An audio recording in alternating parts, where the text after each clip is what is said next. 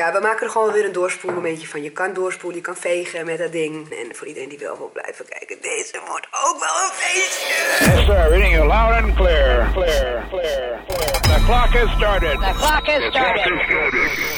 Ja, het is weer zover. Hartelijk welkom bij een nieuwe aflevering van onze podcast Play. Elke maand kiest een gast vijf inspirerende marketingvoorbeelden vanuit zijn of haar specialisme. Het thema van deze aflevering is content hacking.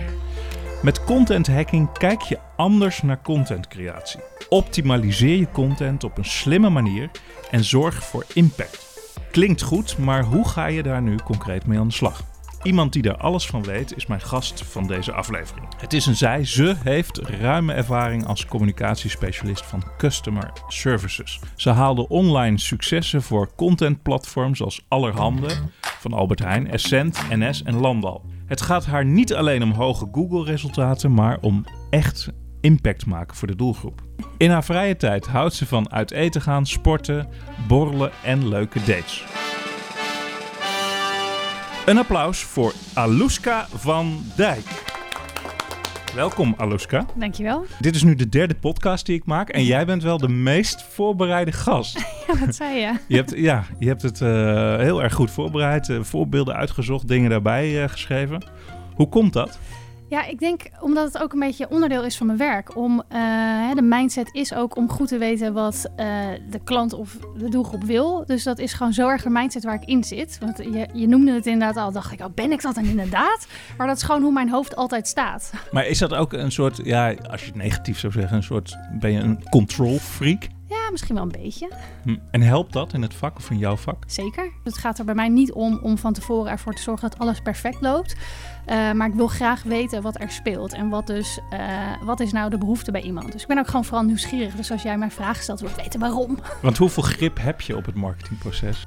Uh, ik denk dat je heel veel ook niet in de hand hebt. Dus uh, het gedeelte wat je wel in de hand hebt, dat is, dat is eigenlijk juist ook een onderdeel van deze mindset. Voor mij dan, is dat je wat je in de hand hebt, gaat het van tevoren uitzoeken. En uh, ja, zorg dat je daarop aanpast. En wat je niet in de hand hebt, daar ga je juist mee experimenteren. Je kan niet alles tot in de puntjes uitdenken. Doe dat dan ook vooral niet, want dat kost je onnodig tijd.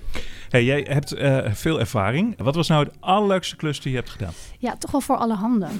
Ja, dat was echt. Uh, ik heb daar. Ik word ook altijd vrolijk als ik ja, het blad nou, opensla. ja. En, maar dit, dit was het online gedeelte Ja. wat jij deed. Klopt. Ik was uh, samen met mijn collega verantwoordelijk voor alle online kanalen. Uh, ik zat veel op de innovatieprojecten. Dat vind ik ook het leukste. En daar heb ik hele leuke dingen mogen doen, waaronder uh, het vraagstuk: uh, Goh, uh, hoe zorgen we nou voor dat we ook online onze markt pakken in plaats van alleen print? Nou, nou stond on het online gedeelte al heel goed als het gaat om social. vooral Instagram liep heel erg goed, Facebook, maar ja, niet alle kanalen benutten we zoals we zouden kunnen benutten. Dus daar ben ik mee bezig gehouden, maar ook met dingen zoals de chatbot um, nou ja, en, allerlei innovatieve projecten. Dus het was heel erg leuk om te doen.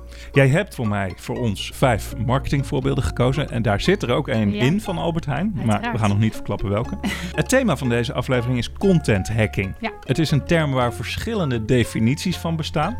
Wat het voor mij betekent is dat je anders naar het proces van content maken kijkt. Dus in plaats van steeds maar weer het volgende stukje content maken, uh, echt kijken naar goh, wat voor impact uh, kan ik maken, meer focus. Dus ook minder tijd verspillen en uh, nou, van tevoren kijken naar wat er zou kunnen werken en ook achteraf. Dus dat je veel meer um, ja, echt impact, impact probeert te maken met je content in plaats van oké, okay, het is af, laten we naar het volgende stukje gaan.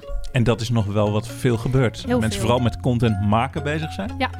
Maar niet nadenken over hoe kan het efficiënter, hoe kan het meer impact hebben. Exact. Hoe kan ik leren van anderen. Ja. Want daar, eerlijk gezegd, dacht ik daar vooral aan. In eerste instantie bij het woord content hacking. Van je kijkt naar anderen. Ja. Wat doen ze? Wat werkt goed? En hoe kun je daar je eigen draai aan geven en dat uh, voor je eigen merk inzetten? Ja, dat is maar dat is maar een onderdeel, hè, zeg jij? Voor mij wel, ja. Hm. Uh, ik weet niet wat anderen eronder uh, staan, maar ik denk dat er nog veel meer hacks zijn die je kan inzetten. Um, dit is er eentje van. En ik denk dat het vooral gaat om ja, wat ik zei, dat je, dat je dus anders gaat kijken ernaar. Dus uh, misschien ook wel minder content maken. En wat je maakt, zorgen dat dat goed gaat. En zo niet dat je het bijstuurt. Jij hebt allerlei uh, voorbeelden gekozen. En aan de hand van die voorbeelden gaan we ook die verschillende aspecten van content hacking bespreken. Ja. We gaan naar jouw eerste voorbeeld. Ja, dan moet ik zeggen dat de voorbeelden zijn natuurlijk lastiger bij te zoeken, omdat het vooral om het proces gaat. Dus ik weet Mhm. achteraf natuurlijk niet of ze dat eh, echt gevolgd hebben. Wa- waar moeten we op le- letten als we gaan luisteren naar het fragment? Ja, wat ik er zelf interessant aan vind, is dat ik denk te kunnen horen dat zij van tevoren echt goed hun eh, research hebben gedaan. Dus zij spelen heel erg in op de behoeften. Waar zou je nou, eh, wat voor content of informatie heeft iemand nou nodig? Ehm, en daar hebben ze goed op ingespeeld. Dus dat, dat merk je aan ehm, ja, dat ze niet gewoon random content maken, maar gewoon echt gericht ehm, geproduceerd hebben. Zorg voor een goede voorbereiding. Plak de randen en kozijnen af met schildersteep.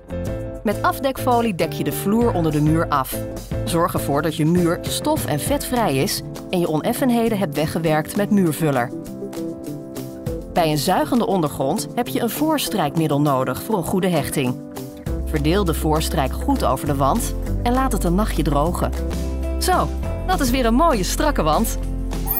Hou jij van klussen, Aluska? Of? Ik hou er wel van, maar ik ben er heel slecht in. Oké, dus jij zou zo'n video ook echt bekijken. Ja, absoluut. Ja, ik Hoe- ben een van die mensen die inderdaad inspiratie zoekt. En daar, daar, ja, daar spelen zij super goed op in. Ja, dit is een hele praktische. Hè? Hoe Ja. schilder ik mijn binnenmuren? Karwei heeft echt een transitie gemaakt van een bouwmarkt naar meer een inspiratiewinkel. Ja, vind ik wel. Als je ziet wat voor content ze allemaal maken, zit het heel erg op inspiratie. Dus eh, ja, weet je, het oude, goh, verkoop niet eh, die boormachine, maar het gat wat je ermee in de muur kan maken, dat hebben ze heel goed begrepen. Ze kijken heel goed naar wat voor inspiratie zoeken mensen en eh, hoe, ja, hoe past dat in wat wij verkopen. En daar spelen ze op in. Ze had natuurlijk alleen maar reclame kunnen maken voor koop bij ons dit, dit, dit en dit. En dat doen ze niet. Of ja, ze doen dat natuurlijk ook, maar gewoon naast de inspiratie die ze ook bieden. Dus daar hebben ze echt wel een, een hele mooie veranderingen gemaakt. We gaan naar jouw eh, tweede voorbeeld. Eh, moeten we van tevoren daar iets over weten? Het gaat namelijk om een voorbeeld van Albert Heijn. En dit is vooral een voorbeeld hoe het niet moet en ook hoe het wel moet. Exact. Dan kun je Ja. dat eens uitleggen? Eh, ja, zij hebben content hergebruikt, wat het ontzettend goed heeft gedaan op Facebook. En eh, waarschijnlijk dachten zij toen: hey, dit gaan we ook als eh, tv-reclame ehm, uitzenden. En daar ja, is je doelgroep heel anders en sloeg het eigenlijk helemaal de plank mis.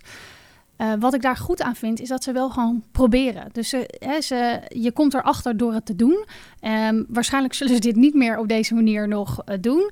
Eh, maar ja, weet je, ze, ze experimenteren wel. En vooral Up to Date vind ik heel, heel erg leuk dat ze dat eh, met heel veel eh, formats gaan ze gewoon echt kijken van wat past, wat niet. Er zit heel veel snelheid in. Ze, ze eh, passen heel veel aan. Weet je, ze luisteren echt naar wat, wat er gebeurt. En dit is daar een voorbeeld van wat misschien niet helemaal goed ging. Maar de gedachte erachter, daar, ja, daar ben ik heel erg voor. Ja, want we hebben het over Appie to Date. Ja. Jij houdt erg van daten, dus ik snap natuurlijk Ja. helemaal waarom je dit voorbeeld hebt gekozen. Het is eigenlijk een soort, ja, je zou het een soort tv-format kunnen noemen. Ja. Dat zie je ook meer gebeuren. Hè? Steeds meer geformateerd wordt. Ik weet niet of ik dat, het, dat het goede woord is, maar in format gedacht Ja. wordt. We gaan even luisteren. Welkom bij Appie to Date, een datingshow waarbij je je date kiest op basis van zijn of haar boodschappen. Drie kandidaten strijden om de hand van een vrijgezel. En vandaag hebben we Iver! Vertel, wie ben je, wat doe je, waar kom je vandaan? Ik ben Yves, ik ben 22 jaar en ik woon in Amsterdam. Vertel eens iets geks over jezelf. Ik was vroeger een paardenmeisje. Ik ga lopen. Altijd. Hop, hop, hop. ik ben echt heel benieuwd, welk mandje is jouw mandje? Ik denk na lang overwegen is het toch mandje nummer 2 geworden. Mandje nummer Mandje 2. nummer Is het mandje nummer Ja, het 2? is Oké. Eh, En waarom is het mandje nummer 2? Het is toch echt die Prosecco. Ik hou echt wel van een bubbeltje. Ben je er klaar voor? Ik ben eh, bijna. Ben je er ja, klaar ja, voor? ik ben er ja, klaar ja, voor. Yes. voel je goed? Oké, let's go! Wie staat er achter het gordijn? Wie is mandje nummer 2? Laat het gordijn maar zakken! Wie denk je dat eh, mandje nummer 2 is? Ik denk dat jij van mandje nummer 2 bent. Yes! Oh! Geef elkaar een Nou, kus. oh ja. Knuffel. Ik heb voor jullie nog een heel mooi cadeau. Kom bij elkaar, kom Yes, bij elkaar. oh, yes. Hey, en eh, ik zou zeggen, geniet ervan. En eh, daarna lekker door naar Miami, ja. Bye bye, zwaai zwaai.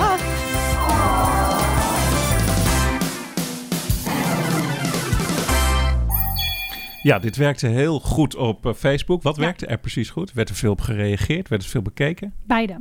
Oké. Ja, En toen hebben ze ditzelfde, de, dat was niet exact dit trouwens, Nee. maar dat was een soort korte commercial-achtig ding Ja. om hè, om dit aan te kondigen. En dat hebben ze op tv getoond en dat werkte niet. Mensen reageerden daar negatief op of waarom werkte het niet? Nou, ik weet niet zozeer of er echt negatieve reacties waren, maar het, het was gewoon niet zo'n succes qua eh, cijfers als wat, wat ze wel bereikten op Facebook. Dus ehm, ook volgens mij de reacties waren minder. eh, in, of Was het de bedoeling om het publiek naar die Ja. YouTube-video's te Zo leiden? heb, ja, zo heb ik hem wel begrepen. En dat ja. gebeurde niet. Nee, nee, of in ieder geval niet zoals ze gehoopt hadden. Ik weet wel, degene die de hoofdredacteur eigenlijk, want hij zei, eh, opereren als echt als een uitgeverij. Dus ze hebben ook een hoofdredacteur.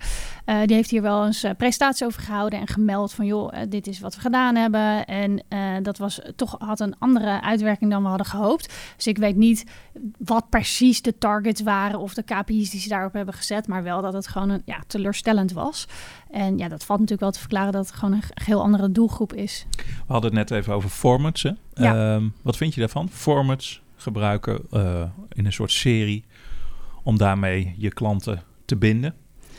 Ja, ik denk dat dat heel erg goed werkt. Je kan daarmee. eh, ehm, het, het werkt heel goed voor de mensen die de, die de content maken. Dus het geeft meer houvast. Het, eh, het, het geeft wat meer richting aan wat je aan het doen bent. En je ziet ook vaak dat, dat het goed aanslaat bij de doelgroep. Mits je dus juist voor me te pakken hebt. We gaan naar jouw eh, derde voorbeeld. Ja. Ja, dat gaat over iemand die een actie deed met zijn skateboard. Ja. Eh, en daarmee in het Guinness Book of Records wilde komen. Ja, Dave is eh, avonturier, noemt hij zichzelf. Eh, volgens mij is het inmiddels al meer dan tien jaar geleden dat hij dit gedaan heeft. Hij vertelt zijn verhaal van, nou, ik ben gewoon een, een typische man die hij was grafisch ontwerper, freelancer en die leefde een, een doodnormaal leven, zoals hij het zelf beschreef. Maar hij verveelde zich echt te pletter. En die dacht op een gegeven moment, ja, ik moet, ik moet iets doen. En nou, die heeft zichzelf dat doel gesteld en die dacht, ik film het. En uiteindelijk is het een soort van uit de hand gelopen avontuur geworden.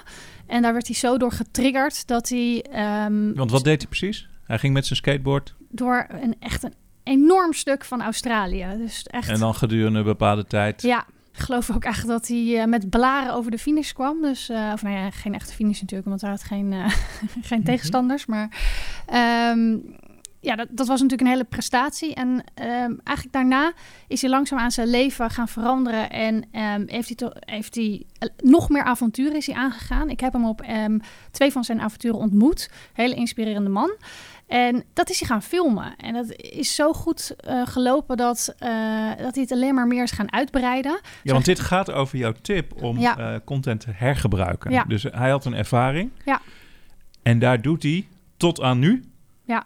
Ehm, steeds opnieuw eh, nieuwe dingen mee. Hij heeft er een format van gemaakt, eigenlijk zou je wel kunnen zeggen. Eh, Van die ervaring. Ja, van die ervaring. Hij heeft er als eerste een boek over geschreven, wat, eh, wat heel erg goed heeft gedaan. En vervolgens heeft er een format van gemaakt dat hij, volgens mij de 1000 Mile Challenge, dat hij met, als ik dat goed vertel, ehm, voertuigen zonder motor eh 1000 mijl moest afleggen. En dat heeft, is hij gaan filmen. En vervolgens is, heeft hij dat eh, uitgebreid tot nou, zijn gedachtegoed erachter. Daar geeft hij lezingen over, veel op scholen. Hij staat bekend als avonturier en eh, een hele levenslustige man. Zover zelfs dat hij de CES More Club is begonnen. Dus dan denk je, nou, leuk clubje, maar Mhm. ja, hij heeft best, best wel wat, eh, wat leden. Eh, hij organiseert een festival eromheen. Eh, dus dat, dat breidt zich alleen maar uit. En dat is echt super leuk om te zien hoe enthousiast mensen... dat het ook echt een community heeft en hoe dat groeit. All those years ago, from the outside, my life must have looked great. I had all the trappings. But there's a reason they call them trappings. It would have been so much easier to stay and let comfort kill my ambition than to start that daunting task of building a new, happier life. Man, I'm glad I chose the hard way. I feel like I have a purpose now. I'm directed not just by Expedition 1000, but by a daily willingness to say yes more. And that simple act of not being afraid to fail, knowing that if I fail, I'll just learn more. So let's start now. It doesn't have to be big, but do something new every single day. Be ambitious, be adventurous. Don't necessarily say yes to everything, you'll be too busy to live, but say yes more. It'll change your life. I know because it changed mine. Nou, dit vind ik een heel mooi voorbeeld uh, van wat je met content kan doen. Heb je een succesvol stuk uh, content geproduceerd, kijk wat je er nog meer mee kan. Hè, in dit geval heeft hij er uh, een, een, boek over geschreven. Maar stel je hebt een succesvol blogartikel. Uh, misschien kun je er wel een whitepaper uithalen, een podcast van maken, een uh, tweet over sturen. Je kan er een infographic van maken. En dat kan eindeloos doorgaan, of exact, niet? Exact, ja. Want hij is nog steeds aan het teren op die, op die ene recordpoging. Ja, ja. En hij heeft in, inmiddels wel wat dingen aan toegevoegd. Dus hij heeft het natuurlijk. Uh, uh, het is inmiddels niet meer dat ene stukje content. Uh, maar de gedachte erachter is vooral. Kijk terug naar wat je online gezet hebt. In plaats van dat je doorgaat met het volgende stukje produceren. en kijk wat het gedaan heeft. heb je dingen die goed lopen, kijk wat je er nog meer mee kan. Want het is eigenlijk zonde. Je hebt er al tijd in gestoken. Je kan er meer uithalen. En ook de dingen die het niet goed doen. Um, ja, misschien kun je ze nog wel wat bijschaven en dan doen ze het wel goed. We gaan naar jouw vierde fragment. Um, en dat is een fragment van het merk Booking. Ja. Ik uh, las een interview met Vijs, die dit samen met Booking heeft opgepakt. En waarin ze uitleggen hoe ze deze case hebben aangepakt. Dit gaat om een campagne die ze gedaan hebben. Ja, dus uh, het doel van Booking was om op lange termijn meer millennials te bereiken. Dus de doelgroep millennials. En, moeilijke doelgroep. Een moeilijke doelgroep. Nou, ze hebben dus uit de data bleek dat een van de belangrijkste dingen voor millennials reizen is. Um, nou ja, zo is Booking Love ontstaan, waarbij iemand uit de doelgroep een bijzondere reisexperience laten beleven. En data van Google Trends gaf bijvoorbeeld aan dat ramen de nieuwe hit op eet- en reisgebied is. Daar werd dus de eerste aflevering van gemaakt. En ramen? Uh, nou ja, ja, volgens mij een soort van noedels. Ramen oh, noedels. Oké, okay. oh, okay. dat is een, een bepaalde eetstijl. Of een, ja, ik, nou ja, ik product, ben, eetproduct. Ja, precies. Eten. Jij houdt van uit eten. eten gaan, heb ik gehoord. Dus. Ja, klopt. トリュフですかこれプロトルソースですね He's adding black truffle My name is uh, Tasao. I'm from Amsterdam. I just opened my own Japanese uh, restaurant called The Japaner. To pursue my passion for ramen noodles, I would go wherever it is, the moon, I don't care, but I need to go there. This trip is based on a text I got from Zhao last year. And I found this article. It said there was this uh, place in Tokyo. It was the first ramen shop that got a Michelin star. So immediately after that, I sent that link to Tus, and he was like, "We gotta go." What's really unique about this Michelin star ramen shop is that the broth has at least three different kinds of soy. They make their own ramen noodles based on four different kinds of wheat, specially developed for this kind of ramen noodles. it was awesome. It was amazing, really. Yeah. The soup, man. Oh my god, I'm gonna miss that soup. This is bucket list stuff, so really happy and uh, yeah, no, I just n- will never forget this moment.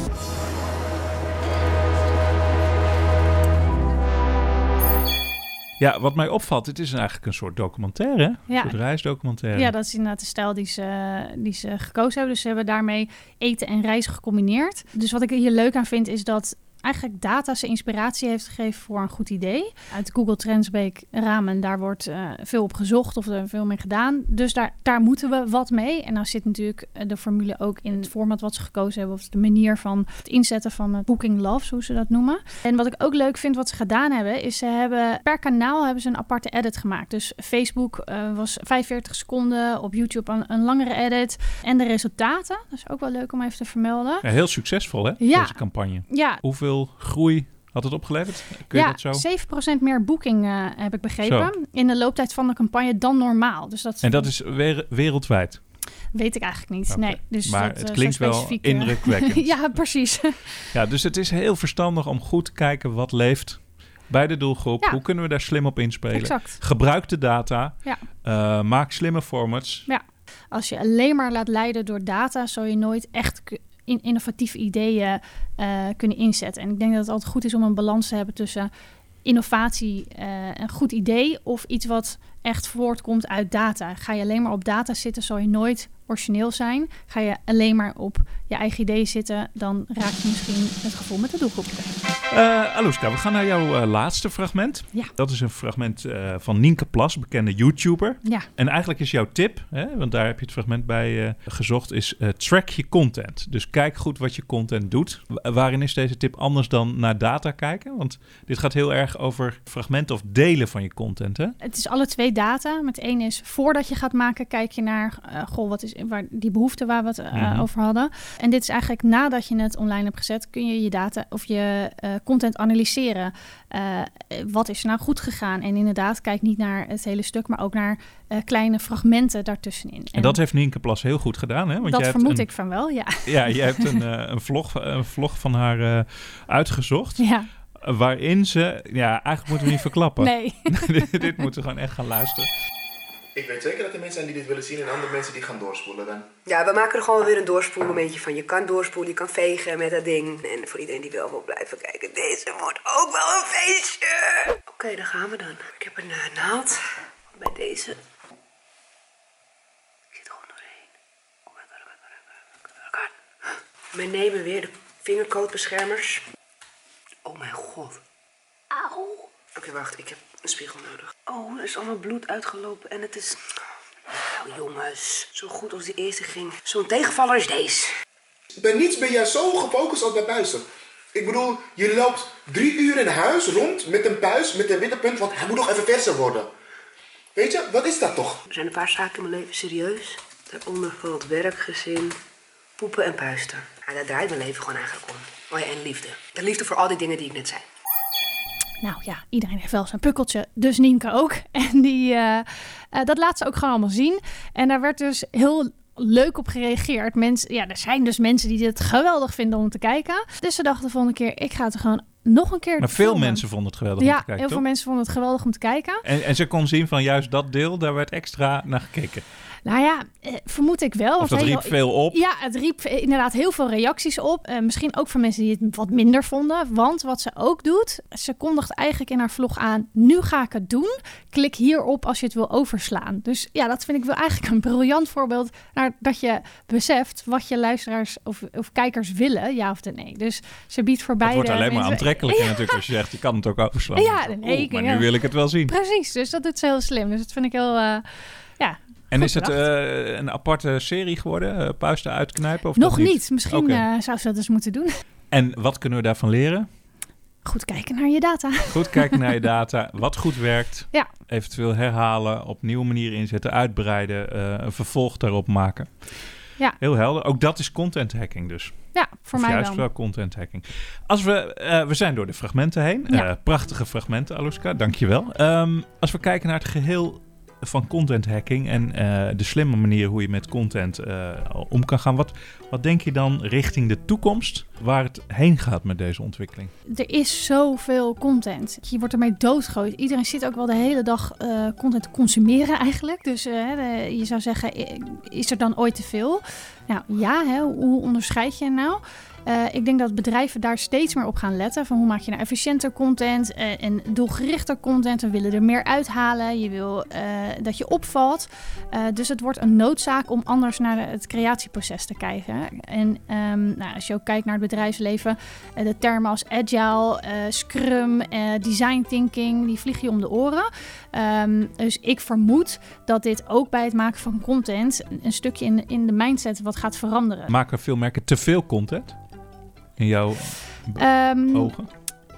Uh, of is dat niet het probleem? Is het meer de, de, de inhoud van de content ja, die daar zit preciezer kan, efficiënter exact, kan? Ja, daar zit het hem voor mij meer in. Want ik zie heel veel uh, partijen om me heen die eigenlijk nog, vind ik dan, vaak nog te weinig doen met content. Ja.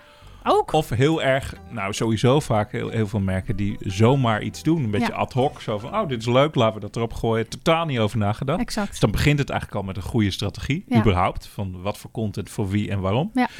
Maar jij gaat eigenlijk, of ja, de content hacker gaat eigenlijk nog een stap verder. Namelijk echt inzoomen. Ja. En dan nog specifieker kijken wat werkt wel, wat werkt niet. Ja, waardoor wat je aan het doen bent, dat het, de kans dat het slaagt groter is. En zo niet, dan stuur je bij. Dus het is niet, oké, hup, naar het volgende. Uh, betekent ook dat je vaak in een wat vaster ritme uh, gaat produceren, uh, gaat experimenteren, weer gaat itereren en opnieuw beginnen. Dus in plaats van, oh, ik, stress, deadline voorbij, we, oh, het staat online, hup, het volgende. En dus ook kill your darlings. Exact. Ja. Want content maken kost gewoon veel tijd, ja. geld. Um, maar dat betekent dat als iets toch niet helemaal werkt, dat je misschien gewoon zo eerlijk moet zijn om te zeggen, nou, weg ermee, uh, het volgende proberen. Sterker nog, uh, wees blij dat je dat ontdekt hebt. Uh, vier je veel, om het zo maar te zeggen. En weet dat je dat de volgende keer niet hoeft te doen. Of check misschien, waar ligt het aan? het kan ook zijn dat misschien het haakje net niet klopte, maar dat de inhoud hartstikke goed is, maar de manier waarop je het gepresenteerd hebt niet. Dus het is ook niet altijd meteen uh, het killen van al je content. Aluska, ontzettend bedankt uh, voor jouw inspirerende verhaal. Je mooie voorbeelden. Dankjewel uh, dat je hier te gast was. Ik wil iedereen bedanken die geluisterd heeft naar deze podcast.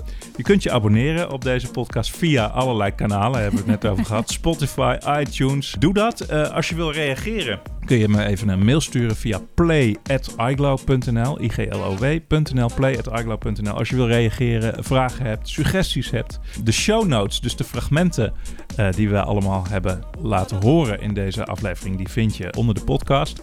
Nogmaals hartelijk dank en graag tot de volgende keer.